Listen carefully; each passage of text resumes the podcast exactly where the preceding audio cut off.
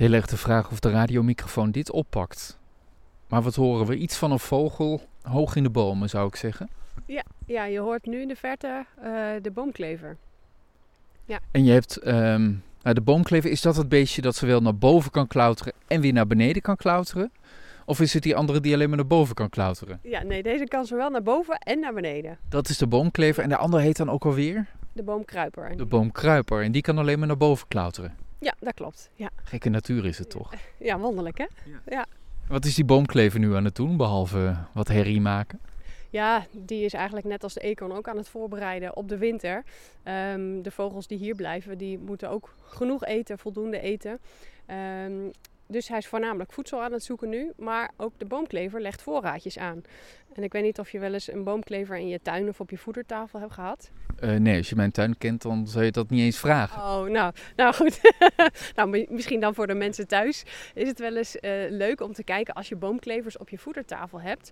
ehm, of het dan opvalt dat die boomklevers zo ontzettend snel heen en weer vliegen. En voornamelijk met bijvoorbeeld zonnebloempitten. Ik heb daar eens naar zitten kijken. Ik denk, nou, wat zijn die nou aan het doen? Maar die zijn dus ook gewoon een verzameling aan het aanleggen. En niet als, zoals andere vogeltjes meteen het oppeuzelen. Maar eh, nee, heen en weer vliegen, heen en weer. En eh, het ergens goed verstoppen. Zodat ze zelf nog weten het ligt. En nou ja, de andere vogeltjes het dan niet opeten. Het is wel slim, hè? Zeker eh, met dit soort jaren, als er niet zoveel is, dan kun je beter maar eerst pakken wat je pakken kunt. Ja, nou dat is ook precies wat ze doen inderdaad. Een voorraad aanleggen voor als de tijden nog slechter worden. Want nu is er overvloed. Ook al is het dit jaar iets minder eh, eh, overvloed dan voorgaande jaren. Maar de herfst, ja, dan zijn er paddenstoelen, zaden en noten. En ja, precies wat je zegt. Als je dan maar een verzameling aanlegt, dan heb je in elk geval goede voorraad voor later in het jaar. Als het eh, misschien sneeuwt of vriest en heel koud wordt. Ja. Dus bij de eekhoorn dan misschien ook de vraag, die is ook bezig aan het verzamelen nu, is al even bezig geweest ook, dus die heeft misschien redelijk wat bij elkaar kunnen vinden. Eh, maar zal het genoeg zijn om, om die winter een beetje op een relaxte manier door te komen? Ja, nou ja, dat is inderdaad een goede vraag. En eh, de jaren waarop er minder voedsel beschikbaar voor ze is, ehm, zie je ook vaak dat ja, een- nou ja, meer eekhoorns de winter niet goed doorkomen omdat ze te weinig vetreserves eh, hebben kunnen aanleggen.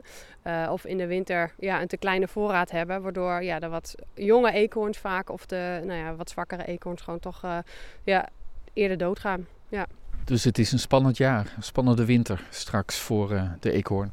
Ja, ja, ja. En daar staan wij niet zo heel erg bij stil waarschijnlijk. Eh, omdat het, ja, de eekhoorn, maar ook de egel, eh, het zijn allemaal dieren die zien we niet zo heel veel. Dus ja, of er nou veel of weinig van zijn en veel of weinig de winter door zijn gekomen. Ja, dat gebeurt natuurlijk een beetje uit ons zichtveld. Ehm, maar het gebeurt wel. Ik begreep van de zoogdiervereniging dat het leuke aan de eekhoorn onder meer is, dat is dat hij wel steeds meer zichtbaar wordt, want hij komt namelijk naar ons mensen toe. Ja. Dat bedoel ik letterlijk naar onze woonomgeving. Nou ja, er zijn natuurlijk best wat eh, tuinen die ook gewoon heel erg geschikt zijn voor de eekhoorns, zolang ze maar eh, voedsel kunnen vinden. Ja, en als mensen een voederhuisje hebben die misschien in eerste instantie bedoeld is voor vogels, maar daar liggen pinda's, ja, dan is een eekhoorn natuurlijk ook heel snel geneigd om daar toch eventjes eh, ook te gaan verzamelen. Ja. Voor jezelf ook de ultieme tractatie, toch? Als je dan een eekhoorn in je tuin hebt. Ja, absoluut. Ja, het is gewoon een, ja, mooie verrassing als die eh, je tuin komt bezoeken. Ja. Jij woont iets meer buitenaf volgens mij. Hoeveel eekhoorns heb jij in je tuin regelmatig? Nou, ik heb er eentje die ik wel regelmatig zie. Eh, ja, eentje, maar eh, ja, er zullen vast meer in de buurt zitten. Ja, geen idee. Wat heb je met de eekhoorn? Ehm, nou, wat ik met de eekhoorn heb, mijn moeder vindt de eekhoorn ja, eigenlijk heel erg leuk. En eh, ja, vroeger had ze, ik heb er vroeger ook, ook eens een keer een knuffel gegeven van de eekhoorn.